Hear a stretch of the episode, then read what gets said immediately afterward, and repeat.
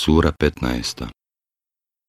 Al-Hijr Hijr Objavljena u Meki 99 ajeta U ime Allaha Milostivog Samilosnog Elif Lam Ra Ovo su ajeti knjige Kur'ana jasnog Zažalit će nevjernici često, što nisu postali muslimani. Pusti ih neka jedu i naslađuju se. I neka ih zavara nada. Znaće oni. A mi smo uništavali gradove samo u određeno vrijeme. Ni jedan narod ne može ni ubrzati, ni usporiti konac svoj. Oni govore, ej, ti kome se Kur'an objavljuje, ti si u istinu lud. Zašto nam meleke ne dovedeš, ako je istina što govoriš? Mi meleke šaljemo samo s istinom, a tada im se ne bi dalo vremena da čekaju. Mi u istinu Kur'an objavljujemo i zaista ćemo mi nad njim bdjeti i prije tebe smo poslanike prijašnjim narodima slali. I jedan im poslanik nije došao, a da mu se nisu narugali. Eto tako mi, Kur'an, uvodimo u srca nevjernika. Oni u nj neće vjerovati, a zna se šta je bilo s narodima davnošnjim. Kad bismo njih radi, kapiju na nebu otvorili, i oni se kroz nju uspinjali. Opet bi oni zacijelo rekli, samo nam se pričinjava, mi smo ljudi opčinjeni. Mi smo na nebu sazviježđa stvorili i za one koji ih posmatraju ukrasili. I čuvamo ih od svakog šeitana prokletog. A onoga koji kradom prisluškuje, stiže svjetlica vidljiva. A zemlju smo prostrli i po njoj nepomične planine razbacali i učinili da na njoj sve smjerom raste.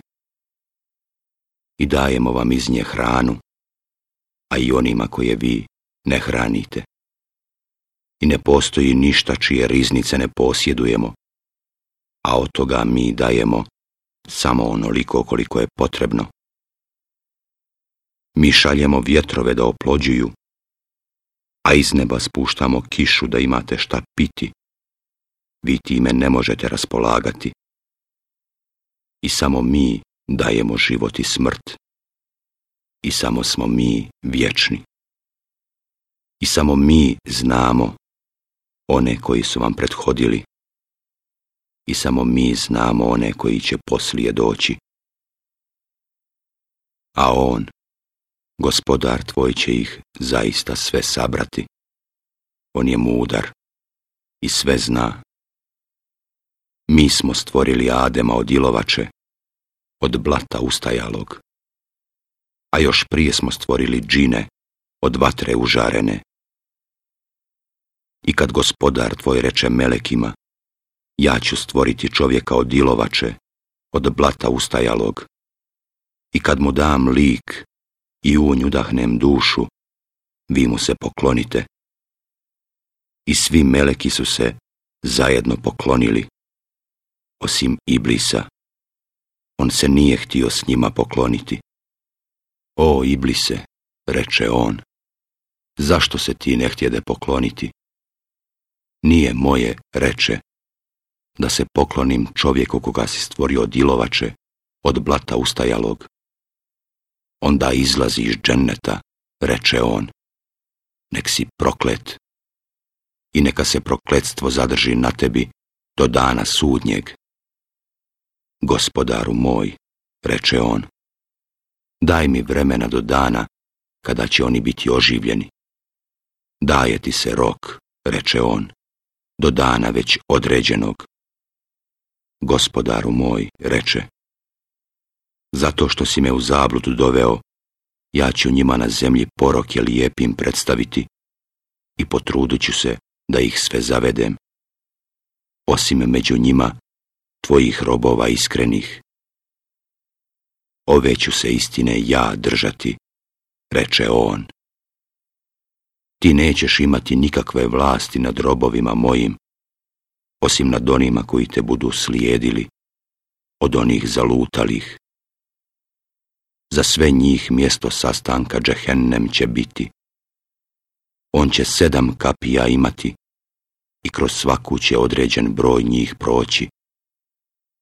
Oni koji su se Allaha bojali i onog što im je zabranjeno klonili, oni će u džennetskim bašćama pored izvora biti. Uđite u njih sigurni, straha oslobođeni i mi ćemo zlobo iz grudi njihovih istisnuti. Oni će kao braća na divanima, jedni prema drugima sjediti. Tu ih umor neće doticati. Oni odatle nikada neće izvedeni biti. Kaži robovima mojim da sam ja zaista onaj koji prašta i da sam milostiv, ali da je i kazna moja doista bolna kazna. I obavijesti ih o gostima Ibrahimovim. Kada su mu ušli i rekli, mir, on je rekao, mi smo se vas uplašili. Ne plaši se, rekoše, donosimo ti radosnu vijest. Učena sina ćeš imati. Zar mi donosite radosnu vijest sada kad me je starost obhrvala, reče on, čime me radujete? Donosimo ti radosnu vijest koja će se doista obistiniti, rekoše oni, zato nadu ne gubi. Nadu u milost gospodara svoga mogu gubiti samo oni koji su zabludjeli, reče on. I upita, a šta vi hoćete, o izaslanici? mi smo poslani narodu nevjerničkom, rekoše. Samo ćemo svu lutovu čeljad spasiti. Osim žene njegove, ona će, odlučili smo, sa ostalima kaznu iskusiti. I kad iza slanici dođeše lutu, on reče, vi ste doista ljudi neznani. Ne, rekoše oni, donosimo ti ono u što ovi stalno sumnjaju, donosimo ti ono što će se sigurno dogoditi, a mi zaista istinu govorimo. Izvedi čeljat svoju u gluho doba noći, a ti budi na začelju njihovu. I neka se niko od vas ne osvrće, već produžite u pravcu kuda vam se naređuje. I mi smo mu objavili ono što će se zbiti, da će oni, svi do posljednjeg, u svitanje uništeni biti. U to dođeše stanovnici grada, veseli. Ovo su gosti moji, reče on, pa mene sramotite. I bojite se Allaha, i mene ne ponizujte. A zar ti nismo zabranili da ikoga primaš, povikaše oni. Ako već hoćete nešto činiti, eto kćeri mojih, reče on a života mi tvoga, oni su u pijanstvu svome lutali. I njih je zadesio strašan glas kad je sunce izlazilo. I mi smo učinili da ono što je gore bude dolje. I na njih smo kao kišu grumenje od skamenjene gline sručili. To su zaista pouke za one koji posmatraju.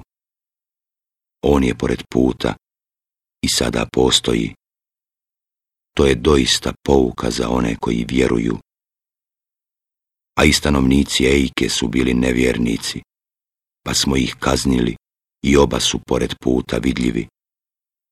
I stanovnici Hidžera su poslanike lažnim smatrali, a mi smo im dokaze naše bili dali, ali su oni od njih glave okrenuli.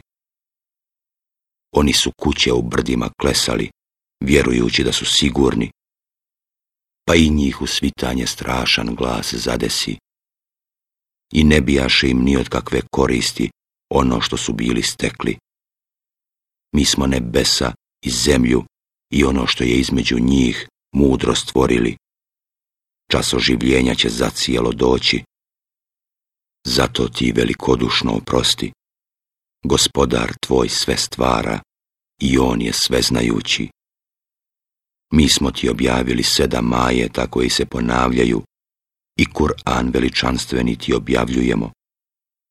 Ne pružaj poglede svoje na ono što mi dajemo, na uživanje nekim od njih i ne budi tužan zbog njih, a prema vjernicima blag budi i reci, ja samo javno opominjem, kao što smo sljedbenike knjige opomenuli.